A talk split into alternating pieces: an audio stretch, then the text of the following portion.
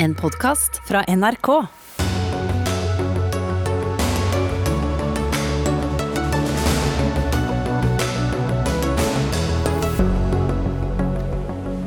Ikke lenger rom for nye oljefelt, slår Det internasjonale energibyrået fast. Rapporten er et vannskille i klimadebatten, jubler miljøbevegelsen.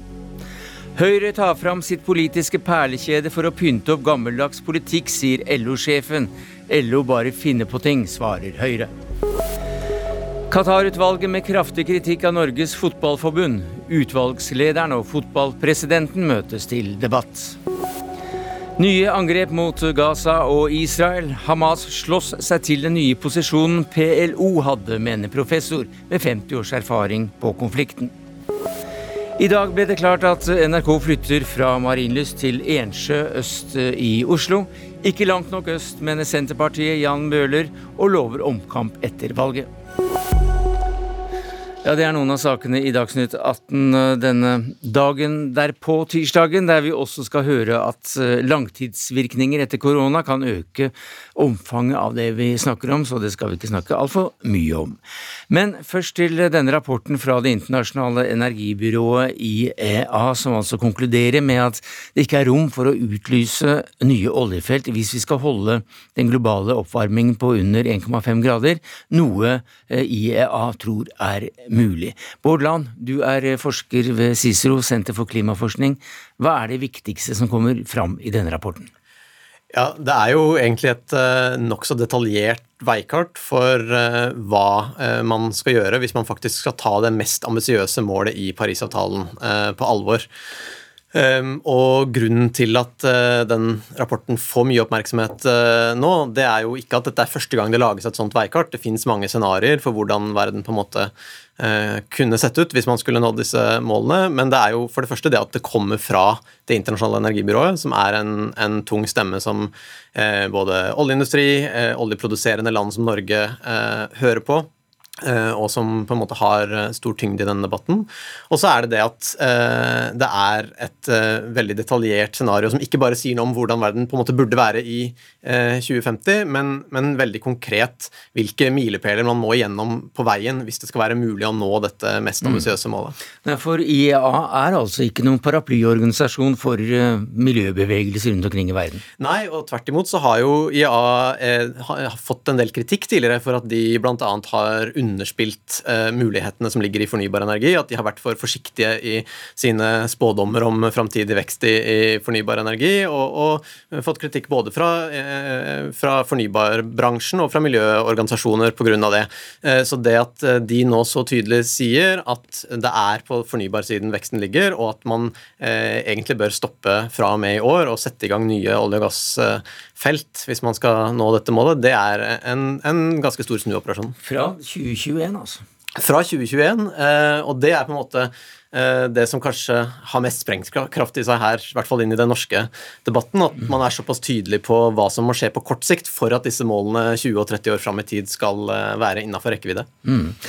Vi skal komme tilbake til debatten ganske raskt, Bordland. Jeg takker deg allerede nå, for vi skal få inn to som er ganske så uenig i hva akkurat denne rapporten da betyr for norsk oljepolitikk. Er det mulig med det scenarioet som IEA har tegnet opp, at Norge kan fortsette å utvinne olje? Rasmus Hansson, stortingskandidat for MDG. Et vannskille, sier dere i dag. For hva? Eh, for uh, norsk oljepolitikk, hvis vi tar uh, det faglige grunnlaget på alvor. Det internasjonale energibyrået er det som oljenæringen og oljepartiene har skjøvet foran seg hele tiden når de har skullet argumentere for oljas framtid i Norge. Eh, jeg regner jo med at regjeringen og eh, Høyre fortsetter å høre på eh, sin beste venn, Det internasjonale energibyrået, som nå sier stopp, ikke flere tildelinger. Og Det betyr jo at Høyre må snu opp ned på den politikken de for, vedtok for noen få dager siden på landsmøtet sitt, og Arbeiderpartiet og Senterpartiet må også snu. For hvis de ikke gjør det, så må de skaffe seg noen nye venner, og så må de holde opp og si at de driver en kunnskapsbasert uh, oljepolitikk. Ja, Hva sier du til uh, dette her på vegne av regjeringen, statssekretær i Olje- og energidepartementet Tone Christian Tiller? Ja, til det sier jeg at når Det internasjonale energibyrået kommer med nye analyser, så skal vi lytte til det. Og så gjelder det å plassere denne rapporten i en riktig sammenheng. Dette er en omfattende analyse, en, eh, et veikart som viser hvordan du kan nå et mål om netto nullutslipp i 2050. Det viser at for å nå et sånt mål, så må du ha en omfattende, grunnleggende, fundamental omstilling av måten du produserer og bruker energi på. Og realiteten er at Norge ligger langt framme i denne utviklinga som de peker på i rapporten. Hvis du leser hele rapporten, så peker de på fornybar energi. Så nå, så, elbiler, så nå vil regjeringen også stoppe, stoppe å utlyse oljefelt? Nei, altså rapporten peker jo også på det noe vi lenge har visst. Altså, det er Godt mulig at Rasmus Hansson uh, syns at det er, er veldig nytt for han, men da, da uh, har han kanskje ikke vært så oppdatert på scenarioer og analyser fra andre tunge miljø, som f.eks. FNs klimapanel. Vi vet jo det at vi må redusere bruken av kull, olje og gass drastisk i Men- den rekkefølgen. Men skal regjeringen slutte å utlyse oljefelt? Det var jo det som Nei, er vi har ikke tenkt å legge om oljepolitikken på kort sikt, basert på en enkeltstående rapport. Jeg foreslo å stanse utlysningen av nye oljefelt da jeg var på Stortinget i 2014. Eh, og det var ikke fordi jeg var genial, det var fordi at jeg kunne lese eh, faglige rapporter fra FNs klimapanel og andre. Denne utviklinga har alle sett at kommer, og alle har sett at eh, Det internasjonale energibyrået er på vei dit. Det som er skummelt, er at uh, istedenfor å forsøke å ligge i forkant og ta hensyn til den, eh, disse konklusjonene som vi visste ville komme, så later Høyre som ingenting eh, og vil bare fortsette med eh, norsk oljeutvinning. Vi har nå en ungdomsgenerasjon i Norge som er redde for framtida. Flertallet er redde for framtida pga. det som kommer til å skje hvis vi ikke fikser klimaproblemet. Og vi har et flertall av eh, fattige folk eh, rundt omkring i verden som er de som kommer til å bære de største byrdene hvis vi ikke fikser klimaproblemet. Nå sier selv OECDs oljeanalyseapparat det som veldig mange har sagt før. Nå må vi stoppe. Eh, og det betyr også nå må vi begynne å legge planene for hvordan vi skal Altså- eh, gjennomføre en grønn framtid. Og da må vi bestemme oss for at vi slutter, ikke bestemme oss for at vi skal fortsette. For det første så har vi sånn selvfølgelig er. gjort veldig mange grep for å redusere utslipp fra produksjonen, sånn som er kjente, som er kjente argument. Nå, unnskyld, nå var det min tur. Det også IA peker på, er at det er etterspørselen som bestemmer. Ja, vi er klar over at det kommer til å bli en drastisk reduksjon i etterspørsel etter olje, eh, kull og gass dersom verden faktisk følger opp klimapolitikken.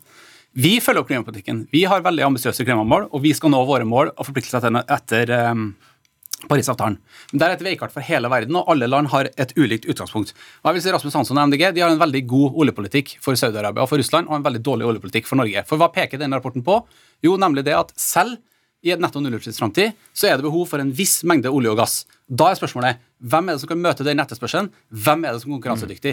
Rasmus Hansson og MDG de vil sage av den greina vi sitter på, vi går glipp av kompetanse og teknologi for å klare omstillinga. Det er det som er i ferd med å skje. Norge er så heldig at vi sitter på en masse greiner, og vi kommer til å klare oss eh, uten olje, akkurat som alle andre land i Europa eh, tar sikte på å klare seg eh, fint uten olje. Denne rapporten sier at vi må slutte å dele ut nye oljelisenser. Den, sier, den sier akkurat det. Spørsmålet er hvorfor vet Høyre og regjeringa bedre enn sin beste venn eh, på oljeanalysefeltet, nemlig IA, hva Vi man bør vi gjøre i framtida? vi Hva er det vi dere står- vet vi som IA ikke vet? Vi står veldig godt på den eh, klimapolitikken og den oljepolitikken vi har ført eh, i denne regjeringa, og som vi fra Høyres side har lagt fram. Men hør nå. Altså, du hvis du har lest rapporten, øh, ingen av oss har lest den fra A til Å, for den kom i dag, men den peker altså på at også i en netto nullutslippsframtid så er det behov for en betydelig mengde olje og gass.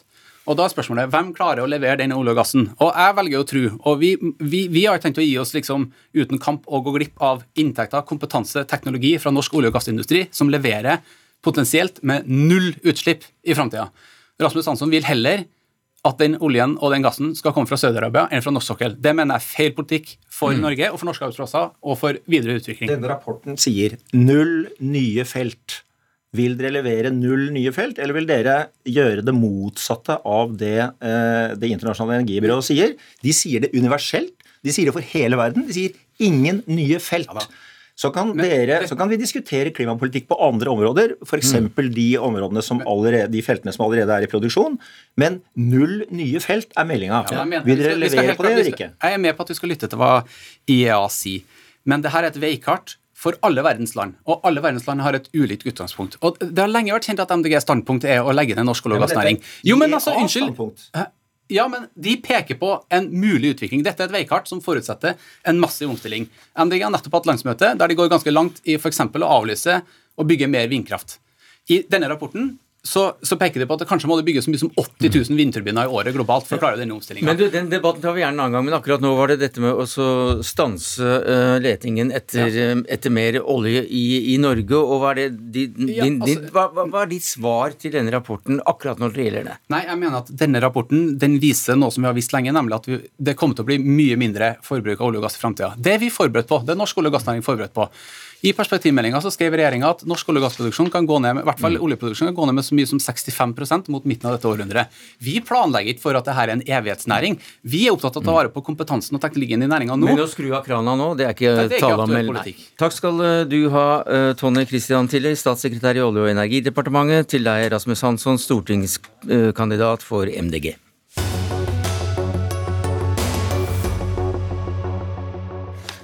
Ja, I dag så ble det klart at eh, NRK skal eh, flytte hovedkontoret fra Marienlyst, her vi sitter nå, og til eh, Ensjø øst i Oslo. Og Jan Bøhler fra Senterpartiet denne gang, du har lyst til å stoppe dette. Hvorfor det? Jo, jeg mener at vi lar en stor sjanse gå fra oss til å få attraktive arbeidsplasser i Groruddalen, hvor vi, vi, sliter med integrering, med utjevning av forskjeller. Eh, flyttemønstrene når det gjelder eh, folk som har norsk bakgrunn, har gått motsatt vei av hva de burde. Vi vil ha et mer mangfoldig eh, nærmiljø der, et samfunn. Og vi tror at få en så attraktiv institusjon som NRK ditt, med 2300 arbeidsplasser, vil, og rundt det, vil bidra veldig til å få en positiv utvikling i området.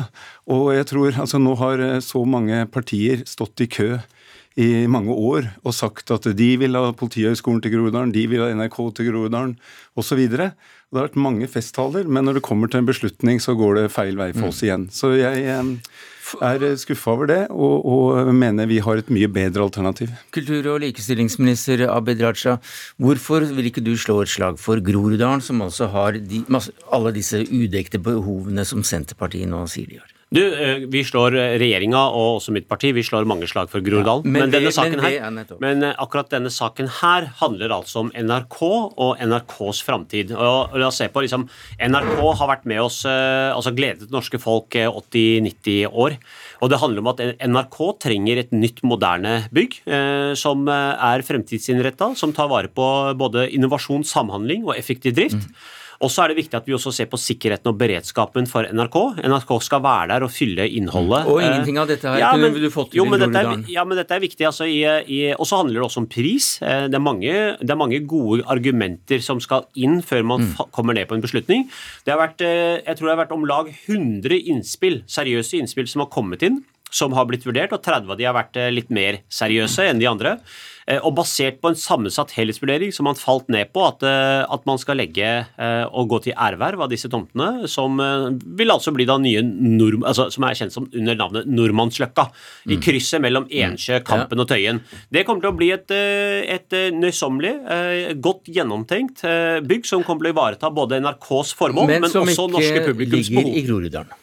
Ja, Altså, Jeg mener at eh, når det gjelder en så stor samfunnsinstitusjon som NRK, Eh, vi skal selvsagt ikke blande oss inn i programinnhold, produksjoner, alt mulig sånt, men dette handler altså om hvor de skal ha bygget sitt.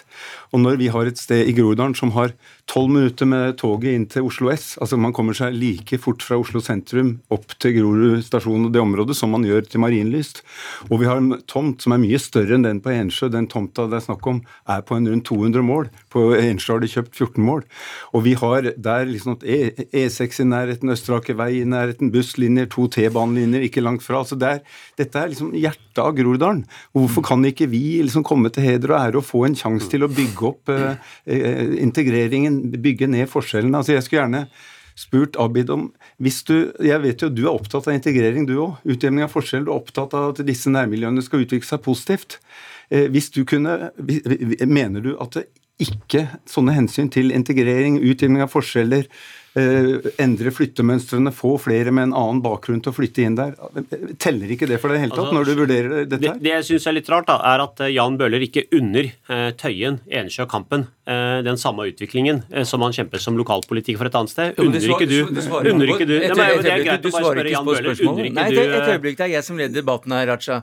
Hvorfor svarer du ikke på spørsmålet? Altså, det, det, det er snakk om integrering og oppbygging Ja, av men jeg altså, Hvis det var slik at det var eh, Hvis man skulle oppfylle integreringsformål alene, hvis, og det er ikke NRKs hovedformål å oppfylle integreringsformål alene NRK skal være en statsbærende kanal for hele Norge, Mm. en allmennkringkaster. Der skal vi vurdere både om eh, det er mulig for å ha nettopp den, altså det skal være en moderne kanal, Mm. det skal være sikkerhet og beredskap, men det må jo også være programleder, det må jo også være mer enn et medieutspill fra en lokalpolitiker at man ønsker seg eh, NRK til eh, sin dal, når det ikke er altså en av de seriøse prosjektene som har blitt spilt inn i det hele tatt. Det er jo en del ting, så Det å ha medieutspill er en ting, men hvis man først er opptatt av integrering, så vil jeg jo allikevel få lov til å stille det spørsmålet til Jan Bøhler. Hvorfor unner han ikke Tøyen, Kampen og Ensjø samme mulighetene som han unner sin egen dal? Jeg unner dem absolutt det. Jeg kjempa for Men la meg få snakke. Nå, nå- når du stiller et spørsmål, må jeg få svare, Abid. Altså, jeg, På 90-tallet drev jeg en stor kamp for å få operaen til Gamle Oslo. Den regjeringen som var på slutten av 80-tallet, planla å ha den på Vestbanetomta. Da fikk vi ti års debatt. Og til slutt så bestemte Stortinget seg for å legge den til der det bare var gamle lagerskur og sånn den gangen, altså til Bjørvika. Og det endra hele området. Og det er en mye mindre arbeidsplass enn Groruddalen, men mange av de som jobber i operaen og sånn, kulturarbeidere, flytta da inn i Gamle Oslo bydel. Der er befolkningsutviklingen en helt annen enn i de bydelene jeg snakker om i Groruddalen. Der er det et pluss med folk som flytter inn med norsk bakgrunn. Hør, hør på meg, hør, hør på meg, Bøhler. Ja, ja. Det er ikke veldig mange kilometerne fra Ensjø til Groruddalen for de som har gått den strekningen. Ja, det er en del kilometer, men du er kanskje du er sprek. Men, Hvor men mange det er kilometer da? Fire? Nei, det er lenger enn Ja, det. det er ikke, men- det er ikke ja, mye, men men sånn, det- jeg tror- så at dette her blir jo en veldig lo- lokal debatt. Men mitt spørsmål til Raja, Ja. det, det må jo da bli Du, du nevner sikkerhet. Mm. Du nevner moderne. Du nevner en moderne mediebedrift. Mm. Men ingen av de argumentene går vel mot Grorud, eller tror du ikke at sikkerheten kan bli god nok? Eller at, Mm, at Grorud er, er moderne nok for eh, framtiden? Altså når vi, Nå kom jeg som kulturminister i fjor i, eh, i januar og begynte å jobbe med dette prosjektet. og I mai i fjor så ga vi tilsagn om at man kunne selge Marienlyst. Eh, I dag så ga jeg beslutning om at man kunne erverve disse tomtene. Og I den prosessen så har jeg ikke sett et eneste seriøst forslag om Groruddalen, annet enn at Jan Bøhler har spilt det, dette ut i media. Så det er ikke sånn man setter Man, man velger ikke NRK-kontor basert på en lokalpolitikers utspill. Det må jo være et seriøst prosjekt bak det. Og kostnad er også ganske viktig oppi dette. Og dette er et av de billigste prosjektene. og Jeg vil bare returnere Så til Jan Bøhler når han sier at nå- Vi er ferdig med, er akkurat den biten der. Men altså, Grorud er mye dyrere, altså. Groruddalen er et ja, men det finnes, For det første så fins det ikke et prosjekt i Groruddalen. Det andre er at når Jan Bøhler sier at han unner Tøyen og Ensjø dette, så er det jo rart at han vil ta omkamp, for da unner han jo Mm. egentlig ikke. For hvis du først unner de dette prosjektet, så sier du ikke at nei, jeg har lyst til å ta det fra dere for å legge det i Groruddalen. Det syns jeg er en veldig merkelig måte å unne folk ting på. Abid Raja, takk skal du ha, kultur- og likestillingsminister. Vi skal få inn eh, Tor Gjermund eh, Eriksen, som er eh, kringkastingssjef, etter å ha spraya litt antibac både her og der, sånn at ministeren ikke skal Nei, ministeren, ja, at kringkastingssjefen ikke skal bli smittet, men du har jo allerede hatt covid-19, leste jeg i avisen. Akkurat det går bra. Ja. Men hvorfor er du da så glad i dag? Fordi dette er en veldig viktig mil- milepæl. Den tomta på Ensjø den fyller NRKs behov. Eh, I tillegg så blir den med på å utvikle et område av Oslo. Og de argumentene som Jan Bøhler bruker, som jeg har veldig stor sansen for, det er prisverdig engasjement, akkurat de samme argumentene kan jo brukes på uh, Tøyen-Ensjø-området. Dette er også et område som trenger utvikling, trenger arbeidsplasser og trenger kultur. Og, og så er det sånn at vi faktisk har holdt på en helt åpen prosess med å velge tomt i to år. Eh, alle alternativene stort sett har stått på våre nettsider. Og vi har også vurdert eh, et par tomter altså på Økeren, eh, Risløkka er det vel en. Og så kommer når valgkampen 2021, så kommer dette opp på Grorud. Og, det er helt greit. Du er litt seint ute, altså. Nei, vi har snakket om det i, hvis man sjekker media osv. I hvert fall i Oslo-media så har jeg snakka om dette med å ha dette oppe i Groruddalen i lang tid. Før du skiftet og jeg parti? tror også andre, ja, og jeg tror også andre partier Ja, det er, det er noen år siden nå vi begynte med det først. Med, og med, tror, med NRK til Grorud? NRK til Grorud, ja. Og Groruddalen. Og jeg tror, eh, altså, jeg tror folk lett kan eh, slå opp i det, men, men, men eh, poenget er eh, Jeg er klar over at jeg ikke er en eiendomsaktør som sitter og tilbyr NRK eiendommer. sånn at jeg, jeg skal, jeg ville ha, men jeg ville ha håpa at NRK hadde sett de mulighetene som det kunne gitt å hatt en så stor statlig institusjon eh, oppe i Groruddalen. Og, og det er fint med eh, det, det kan bety mye positivt på Ensjø og Tøyen, men utfordringen nå når det gjelder integrering, utjevning av forskjeller og, og flyttemønstre, er mye større der hvor jeg foreslår det. Nå er det jo sånn at både Jan Bøhler og jeg vokste opp omtrent akkurat på den eh, rett ved den tomta som han snakker om, oppe i Groruddalen.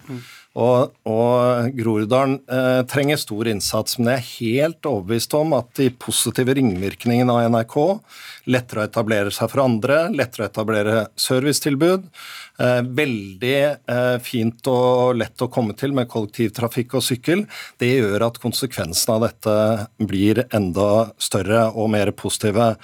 Og så skal ikke jeg begynne politisk eh, polemikk med, med Jan Bøhler, for jeg setter egentlig pris på det engasjementet som flere hundre har vist. altså Veldig mange har ønska NRK.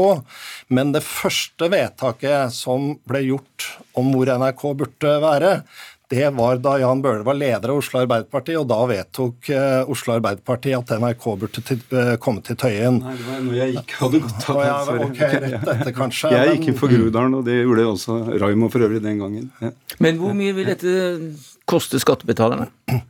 Skattebetalerne koster det jo ikke noe direkte, fordi ved å bli her, så ville vi ikke frigjort de verdiene som var her. Så det går opp, ja. Og, og vi har absolutt ambisjon, og det er jeg ganske trygg på, at den rammen, finansielle rammen som er skapt ved at dette området blir utviklet, det er tilstrekkelig for å kjøpe tomt på Ensjø og bygge et nytt, nøkternt, moderne kringkastingshus. Det er nå sagt en gang for alle, så da kan vi gå tilbake og faktasjekke det når den siste regningen kommer. Men jeg leste helt kort til slutt en bekymret melding som, eh, som da var litt redd for at pausefiskene ikke fikk bli med. De forsvant jo så tragisk tidlig på 70-tallet. Vet du hva, De er ikke helt forsvunnet. Det står et akvarium borti gangen her. blir det med over til andre altså, siden Det skal ikke stå på det akvariet altså på eh, 80-90 liter. Det er ganske flott, og det lever fisker fra direkte etterkommere etter pausefiskene der ennå. Takk skal du ha, Tor Gjermund Eriksen, kringkastingssjef, og til deg, Jan Bøhler, stortingsrepresentant for Senterpartiet.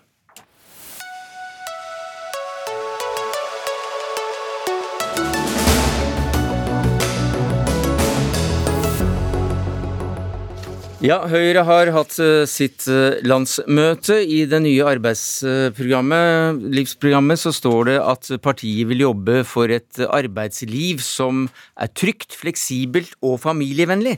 Og det er vel altså musikk i LO-ørene som du er leder for, Peggy Hessen Følsvik? Jeg har jo sagt at nå har eh, Høyre tatt på seg sitt eh, politiske perlekjede i forkant av eh, valget i et forsøk på å pynte opp arbeidslivspolitikken sin.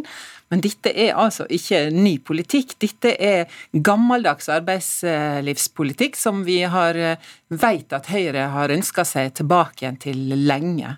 Ja, Er det bare nye ord for, for gammel politikk, Heidi Nordby Lunde? Du er nestleder i Stortingets arbeids- og sosialkomité, og du satt i program, programkomiteen for Høyre? Ja, og dette her er jo ord som jeg selv har vært med på å skrive, og som jeg også mener, uh, mener sterkt. Uh, men uh, ikke se på hva vi sier og hva vi gjør. Vi kan jo se på noen av resultatene etter åtte år med Høyres politikk i Norge. I fjor, eller i år, så var det vel Institutt for samfunnsforskning som slo fast at mykere regler ikke har rasert arbeidslivet. andelen fast ansatte er nå høyere enn det den var i 1995.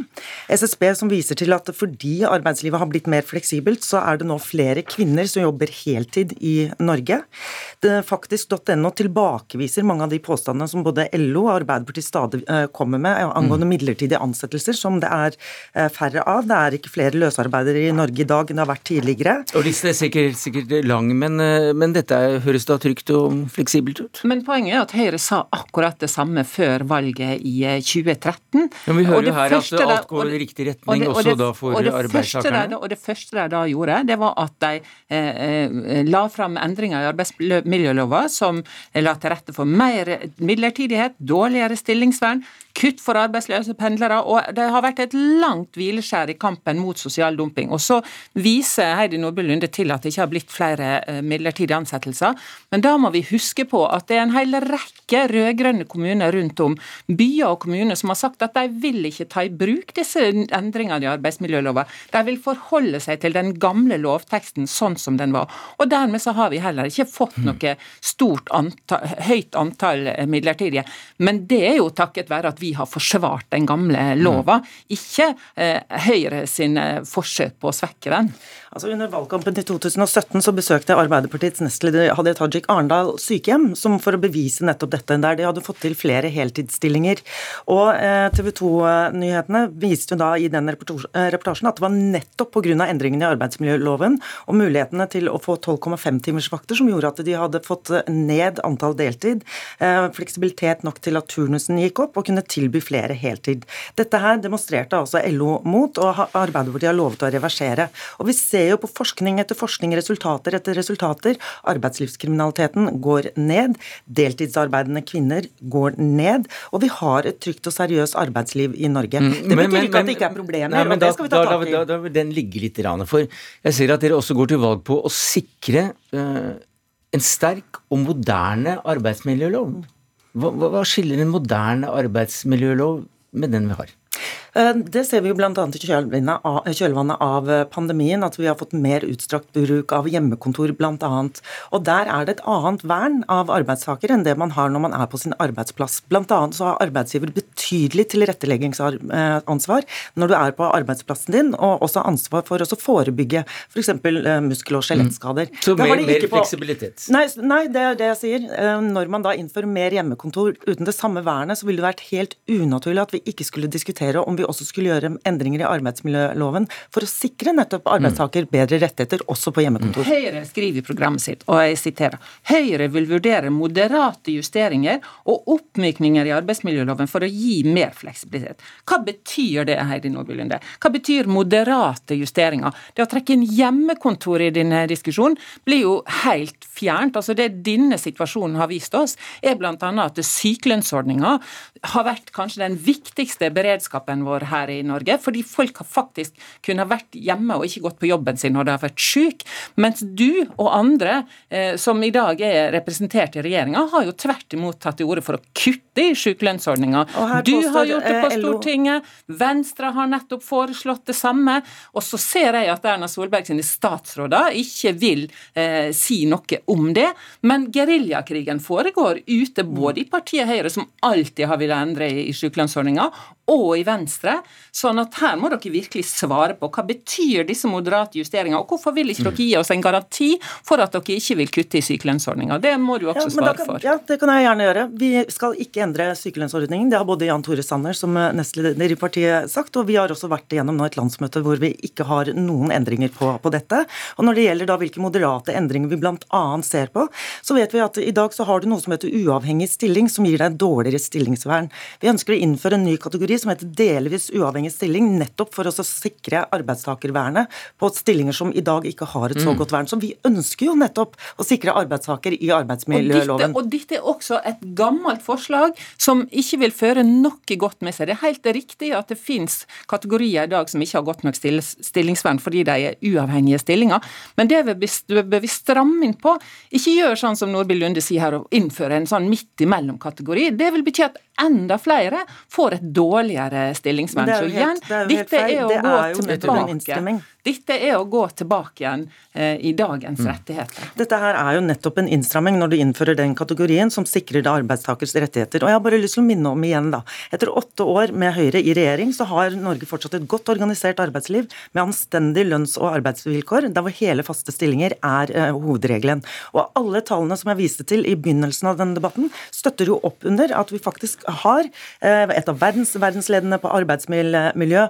Vi ser gode resultater på bekjempelse av arbeidslivskriminalitet arbeidslivskriminalitet. Flere kvinner jobber heltid i, i dag, nettopp bl.a. pga. Mm. fleksibiliteten det i arbeidsmiljøet. Det er fordi vi har en sterk fagbevegelse som har drevet forsvarskrig i disse åtte åra nå med høyrestyret, der målet har vært hele veien å svekke arbeidstakerne, og ikke minst tillitsvalgte og fagbevegelsen sin innflytelse. Og eh, Det kommer vi til å, å fortsette med. Den forsvarskampen vi har drevet nå med i åtte år, den håper vi vi skal kunne snu til å jobbe for arbeidstakerne sine rettigheter med en ny regjering, hvis vi får det sånn som vi eh, vil fra mm. høsten av. Da hører vi altså at øh, det er gull alt som glimrer fra den ene siden, og så er det ikke gull alt som glimrer fra den andre, og dermed setter vi strek for øh, denne debatten. Takk skal du ha, Peggy Hessen Følsvik, leder i LO, og Heidi Nordby Lunde, nestleder i Stortingets arbeids- og sosialkomité fra Høyre.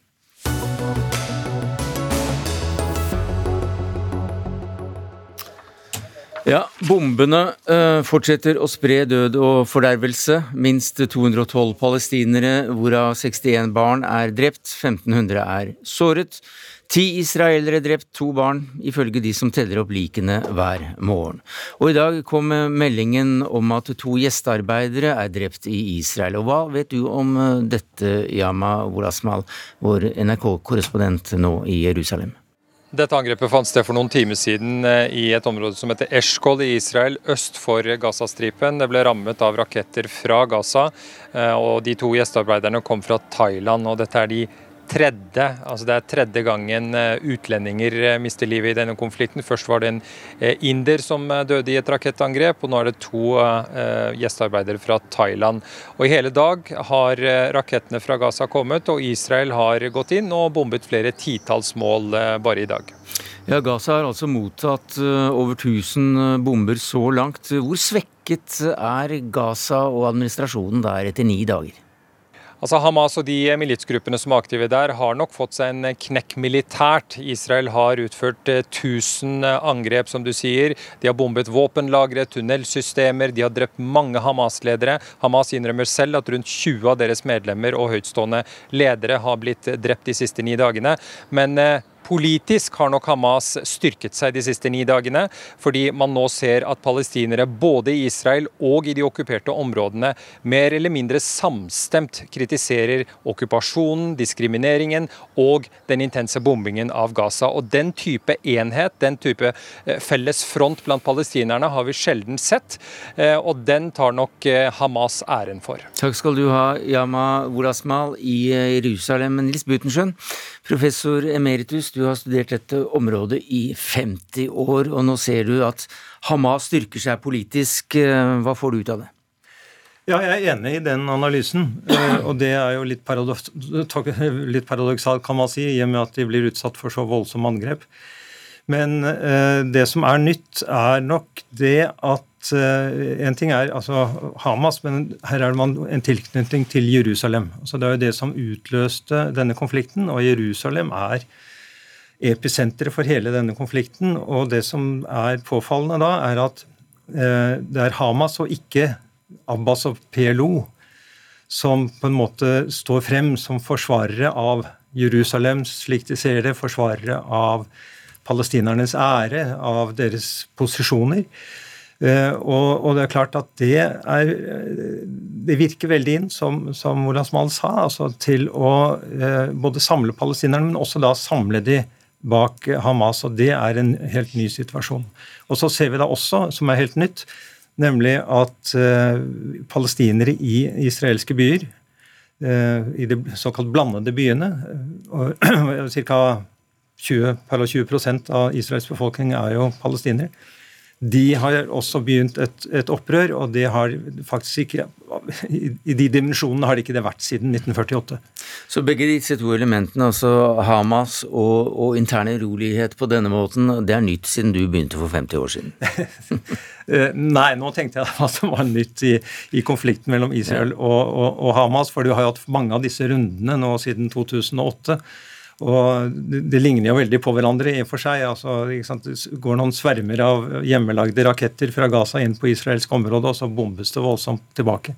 Mm, og Til slutt så kommer Egypt og foreslår en uh, fredsløsning etter sterkt press fra alle, og så går partene motvillig uh, med ja, på det, og så går det noen år, og så er det i gang igjen. Ja.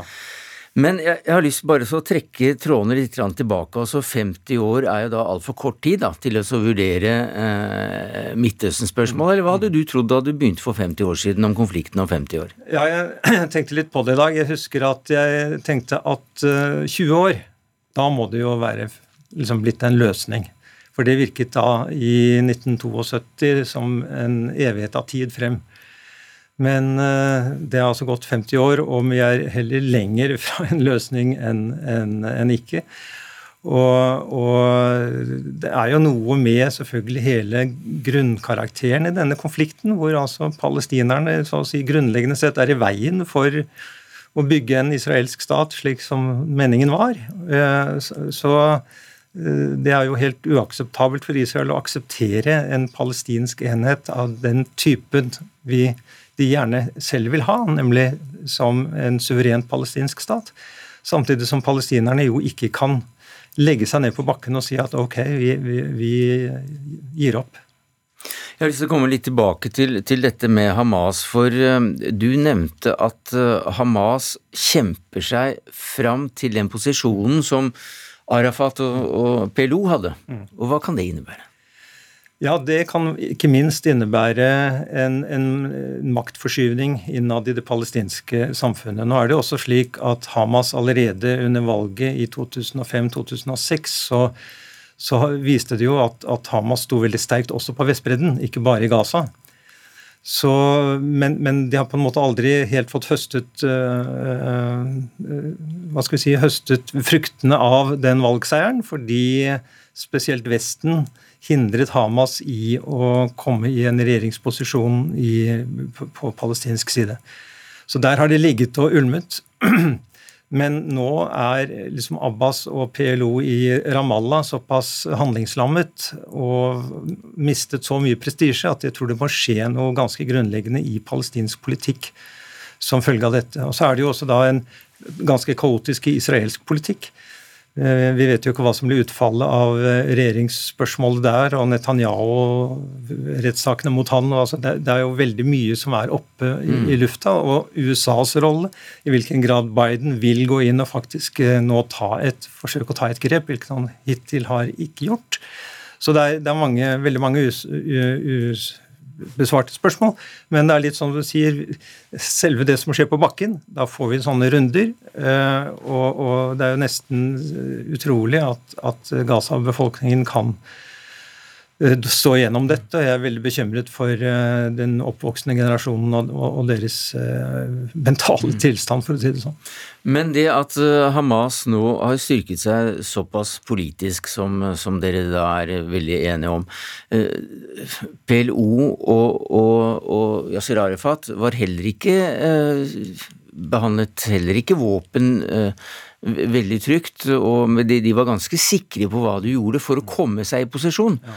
Og nå sier du også at Hamas er i ferd med å nå den posisjonen. Mm. Men betyr det da at Hamas gjør seg selv uunnværlig, så å si, i en forhandlingssituasjon fremover? Ja, jeg, jeg, tror det. Altså, det viser seg nå at uh, president Bidens utsending til området Ammer han har, ikke, han har, jo ikke kontakt med, med, den ene hovedparten her, nemlig Hamas, fordi USA ser på Hamas som en terroristorganisasjon. Så amerikanerne må da gå gjennom andre, f.eks. Egypt. Eh, men det betyr at de heller ikke da kan virkelig få grep om, om, om denne situasjonen. Så det, det, er eh, Jeg tror at det er en parallell Man skal være forsiktig med å trekke altfor sterke paralleller, men PLO ble jo sett på som en terroristorganisasjon som man ikke kunne ha noe med, også her i Norge. ikke sant? Og så Etter hvert så blir jo da Arafat eh, en, en, nærmest en fredshelt. Og eh, Hvorvidt eh, Hamas vil kunne gå samme veien, vet vi ikke riktig. for Det er en nokså annerledes eh, politisk organisasjon. Men, men, det kan skje. Men det kan skje. Og, mm. og, man har jo sett i andre arabiske land at eh, den, uh, hva skal vi si, den retningen innenfor islam som de representerer i noen land, f.eks. i Jordan, så er det jo medspillere i, på, på, i det politiske spillet. Så Hamas får fredsprisen sammen med Netanyahu? Det tror jeg er å trekke det litt langt. Men hvis vi nå øh, til slutt da bare Du, du nevnte det at 20 år var jo altfor kort tid. Det var så langt øh, du kunne spå for 50 år siden. Og så ser du utviklingen som har gått helt fram til i dag. Og nå tar vi ikke 20 år fram, men nå tar vi 50 år framover. Hvordan ser området ut da? Ja, det, altså det, jeg tror ikke den nåværende politiske geografien eller strukturen er bærekraftig. Altså Det må skje noe, ikke bare på palestinsk side, det må skje noe med staten Israel som en etnisk statsdannelse. Hvordan det skal eh, skje, det vet man ikke. Vi ser jo hva som skjedde i Sør-Afrika. altså At du fikk en eh, den innfødte befolkningen overtok, eh, rett og slett, men man fikk en løsning for settlerne. Eh, men det er veldig langt frem før jeg tror at eh, det er tilstrekkelig styrke på israelsk side av israelere som ser for seg en felles statsdannelse med palestinerne. Man må nok antagelig gå i hvert fall via former for føderasjon eller konføderasjoner. Eh, men så lenge du kan si du har en sterk israelsk bevegelse man, som er ekspansiv, som vil ha større deler av Palestina, og som ikke slår seg til ro med det, det som er, eh, da har du konflikten gående. Takk skal du ha, Nils Butenschøn, professor emeritus.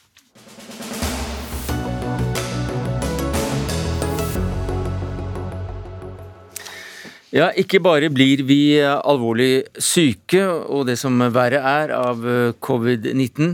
Vi hører og leser også om at det slett ikke er uvanlig å få mer eller mindre alvorlige ettervirkninger. Det kan være tung pust, sviktende hukommelse og særlig generell følelse av å være trøtt og lite opplagt. Henry Fugt, som lege og forsker ved Senter for medisinsk etikk ved Universitetet i Oslo, så skriver du i Aftenposten at symptomer kan bli forsterket Eh, og kroniske. Dersom man fokuserer for mye på dem og skaper en forventning om at man har fått en varig skade. Hvordan har det seg? Nei, Jeg har vært opptatt av å få frem det perspektivet som er veldig viktig at vi er i en situasjon der vi har en verdensomspennende pandemi og måte, et massivt mediebilde som hele tiden peker på at vi, vi skaper en forventning om, om langvarige plager i etterkant. Eh, hvordan det kan ha seg handler eh, for meg om hjernen og hjernens biologi. Eh, hjernen påvirkes av informasjonen vi får. Eh, den fortolker symptomer etter hvor alvorlige den tenker at de er, og kan skru symptomer opp, og kan også bidra altså Informasjon kan skrus opp, og når, når man konfronteres med veldig negativ informasjon og, og forventninger om at sykdom skal bli kronisk og varig, så kan det også bidra til kronifisering. Det vet man fra forskning på hvordan kronifisering fungerer. Eh, og hjernen kan også skape symptomer. altså Hjernen styrer alle kroppsens organer. altså Det vet vi jo egentlig fra dagliglivet. Vi vet at når vi blir redde, så går pulsen opp og osv. Men, men dette er ting som medisinen på en måte ikke har så godt med seg fra tidligere. Eh, altså den, Man har en teori om at om at alle, alle, problemer og symptomer vi har i kroppen skal kunne forklares ved en eller annen defekt i kroppen. Men vi trenger ikke å ha at det skal være noe ødelagt i kroppen for at vi skal kunne oppleve ganske mye symptomer. Og du mener da at ved å snakke mye om det, og ved å fokusere mye på det, med å, med å ja, farliggjøre det mer enn en nødvendig, ja, så er vi med på å bidra til at folk faktisk kan få en, en verre opplevelse av sine egne lidelser. Absolutt. Man skaper mer symptomfokus. Man bidrar til kronisk stress som forverrer og, og kronifiserer symptomene. Dette er et medisinsk, det, det jeg er opptatt av, er at dette er et medisinsk anliggende. Medisinsk hvordan vet du dette? Anliggende. Hvordan jeg vet det? Ja? Nei, jeg kan vise til til forskning, lange review-artikler og oversiktsartikler på, på, på hvordan symptomer kronifiseres og forsterkes. Ja, men jeg spurte egentlig for at du skulle få fortelle om dette hvite pulveret i Vestfold. At, at, dere har noen erfaringer derfra? Ja, dette er bare et eksempel som, ja. kan, være, som kan, være, illustrerende. Mm. Altså For fem år siden, i 2016, så på postterminalen i Vestfold, så, så lagt det ut en, eh, et hvitt pulver fra en pakke. Eh, og da hvitt pulver som i antrax og terrorangrep.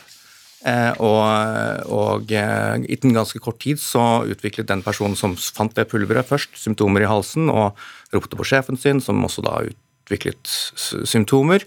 Til slutt så endte så endte 44 medarbeidere på den posten på sykehus, og 14 da i isolat med, med, med symptomer som, som, måtte undersøkes videre. og Så viste det seg dagen etter at dette pulveret var mel. Eh, og dette, dette er bare et eksempel som illustrerer hvordan hjernen mm.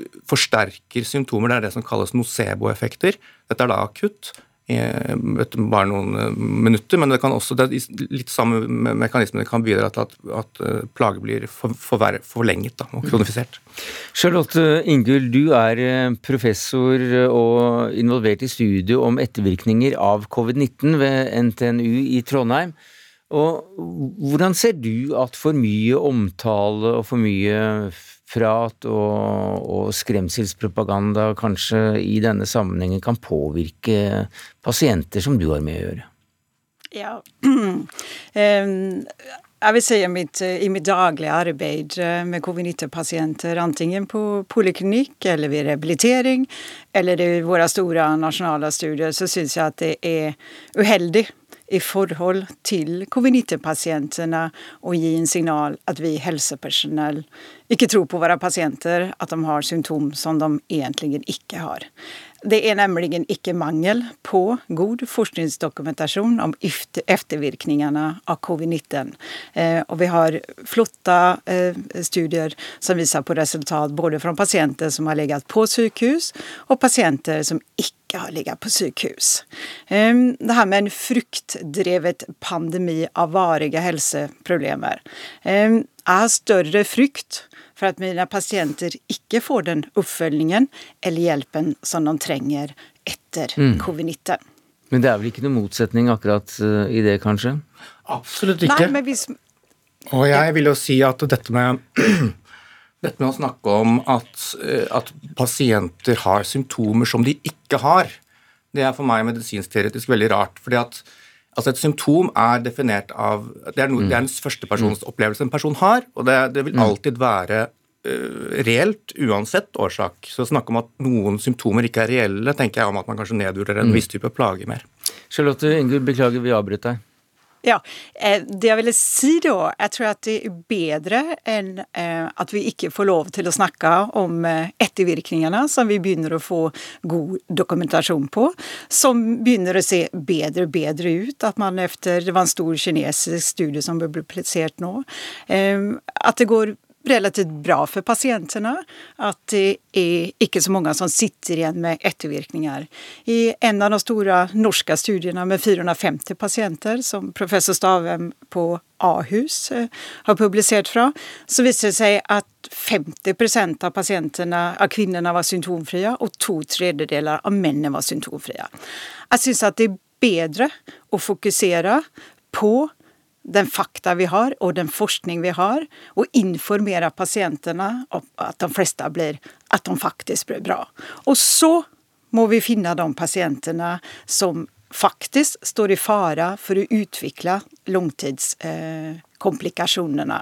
Og ikke minst gi et rehabiliteringstilbud eh, til de som trenger det, mm. for å avkorte forløpet, så at de kommer raskere til arbeid. Jeg syns det er mye bedre fokusering og vinkling enn den debatten som man nå eh, har åpnet opp for. Ja, det er ingen motsetning i disse tingene. Um, jeg er jo helt enig i at man må for det første få fram de, de, den positive og håpefulle informasjonen som kommer fra forskning. Men altså, man må jo, man må Spørsmålet blir jo hvorfor, hvorfor er det noen får vedvarende symptomer, og da hører dette perspektivet med. Eh, det er godt belagt og godt kjent også innen de som som driver med rehabilitering til vanlig, f.eks. Mm. innen smerte. og Det burde også de som driver med covid-19-rehabilitering ha med seg. Charlotte Ingull, hva er, de, hva er de vanligste symptomene og, og langtidseffektene man kan få? Eh, I vårt eget materiale på de pasientene som har ligget inne på sykehus eh, etter tre måneder, så er de vanligste symptomene det er pusteproblem og fatigue, utmattelse. Men da vet vi at eh, mye av dette kommer å forsvinne ved, eh, måneder, enten av seg selv eller med hjelp av rehabilitering og god oppfølging. Et eksempel eh, er dyspné, pusteplager. Pasientene får en, en, en lungebetennelse. De har vanskeligheter for å puste. Eh, de er veldig usikre på i etterforløpet tør jeg belaste kroppen eller ikke. Da er det ikke så enkelt, da er det ikke så vanskelig eh, å få testet disse pasienter og fortelle dem at ja, du har pusteproblem, men det er ikke noe farlig, det er bare å begynne mm. å trene. Da var det det siste vi fikk sagt der, som en slags uh, god lite, godt lite innspill til de som da føler disse symptomene. Takk skal du ha, Henrik Fugt, postdoktor og medisinsk etikk. Charlotte Ingull, professor, og du er også involvert i NTU-studiet om ettervirkninger av covid-19. Takk skal dere ha.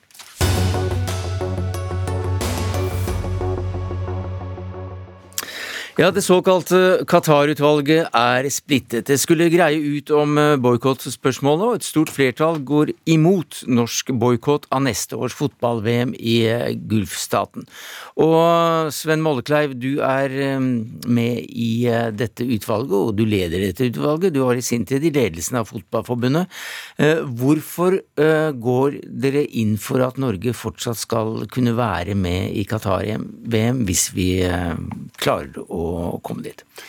Ja, Bakgrunnen for at flertallet mener det, er fordi vi eh, mener at det er det mest effektive måten å legge press med krav på qatarianske myndigheter, på den såkalte Supreme Committee, men også på eh, Fifa. Slik at vi har eh, gått inn for, og som hele utvalget samstemmig har gjort, å konkretisere 26 krav for hvordan vi kan eh, kjøre dialog med krav og press. Og noe av det som har gjort stort inntrykk på oss eh, fram til den konklusjonen, er at de eh, uavhengige organisasjonene som representerer arbeidstakerne, som representerer menneskerettighetsorganisasjonen, som representerer ILO og, og Trade Union, har vært tydelige på mm. at de mener at vi bør være til stede og hjelpe dem på å øke press og trykk. Og den debatten er det sikkert ganske mange som nå hadde sett for seg at vi tok nok en gang, for vi har vært innom det noen ganger her. Men det skal vi ikke gjøre. for Dere retter også da ganske sterk kritikk mot Fotballforbundet i denne saken her. Hva går den på? Ja, Vi mener at det å for det første ikke delta aktivt før tildelingen i 2010 og det å ikke umiddelbart etter tildelingen eh, protestere eh, mot det som har skjedd, og stille klare krav til arrangør og til Fifa eh, om at man aktivt er nødt for å bedre eh, menneskerettighetene og arbeidstakerorganisasjonenes vilkår til å organisere seg og til å avskaffe kafala-systemet, det som altså gjør at arbeidsgiverne har eh, kontroll på mm. eh, arbeiderne, eh, og øke og bedre lønnsvilkårene, det var ikke bra. Vi kalte det en kollektiv svikt fra internasjonale fotballsamfunnet. Og for Norges vedkommende? Og også for Norges vedkommende, at man ikke var tydeligere på det. Terje Svendsen, president i Norges Fotballforbund, hva sier du til det? Nei, Det er jeg helt enig i. Det uttrykte jeg også på dagens presentasjon av rapporten.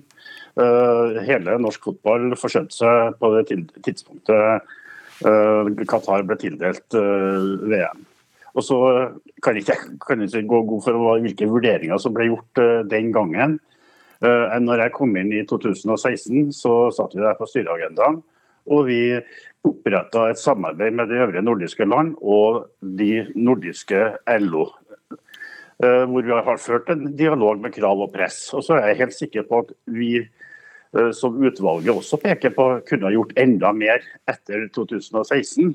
Men eh, vi valgte i hvert fall å sette det på agendaen. Ja, Men hvordan kunne sånt skje, da? Nei, Det har jeg ikke noe formening om. Ja, og, altså, et øyeblikk, du, du, har jo snakket med folk rundt deg om dette her, selv om du kom inn på et litt senere tidspunkt? Har ikke diskutert hvorfor eh, man ikke var klarere på det tidspunktet. Eller man var jo ikke, ikke klar i hele tatt eh, akkurat ved tildelingen, eller så det fremgår av rapporten. Det har jeg ikke diskutert eh, med noen av mine forgjengere. Men det er vel noen som nevner kroner og øre her? Det er mulig at det var, var deler av vurderinga, men det som sagt så kjenner jeg ikke til det. Ole Kristian Sandvik, du er talsperson for supporteralliansen, og du er forholdsvis nådeløs i din dom over ledelsen i Norges Fotballforbund og deres handlemåte her. Jeg kalte det vel evneveike på pressekonferansen tidligere i dag. Men det er jo interessant at Terje Svendsen nå sier at eller han er enig i at det var en kollektiv svikt fra også norsk fotball i dag, men han tidligere har jo sagt at de var mot tildelingen eh, helt fra starten av, som er beviselig feil. Og han har jo blitt tatt i løgn eh, flere ganger. Eh, men jeg, jeg syns liksom ja, fotballen Vi må nesten få en kommentar på det, Terje Svendsen. Tatt i løgn flere ganger? Ja, det syns jeg er en helt urimelig og uriktig påstand. Det jeg har sagt er at man fra 2013 så finner man det første sporet etter hvor da daværende president uttalte seg negativt eller kritisk til Qatar i, i, i media. Og Å kalle det løgn altså å si at det, det syns jeg er langt over streken. Terje Svendsen er sitert på fotball.no at helt fra beslutningen om Qatar-VM ble tatt, har NFF vært uenig i beslutningen. Og han sier jo nå at de han er jo enig nå at de ikke uh, var uenige.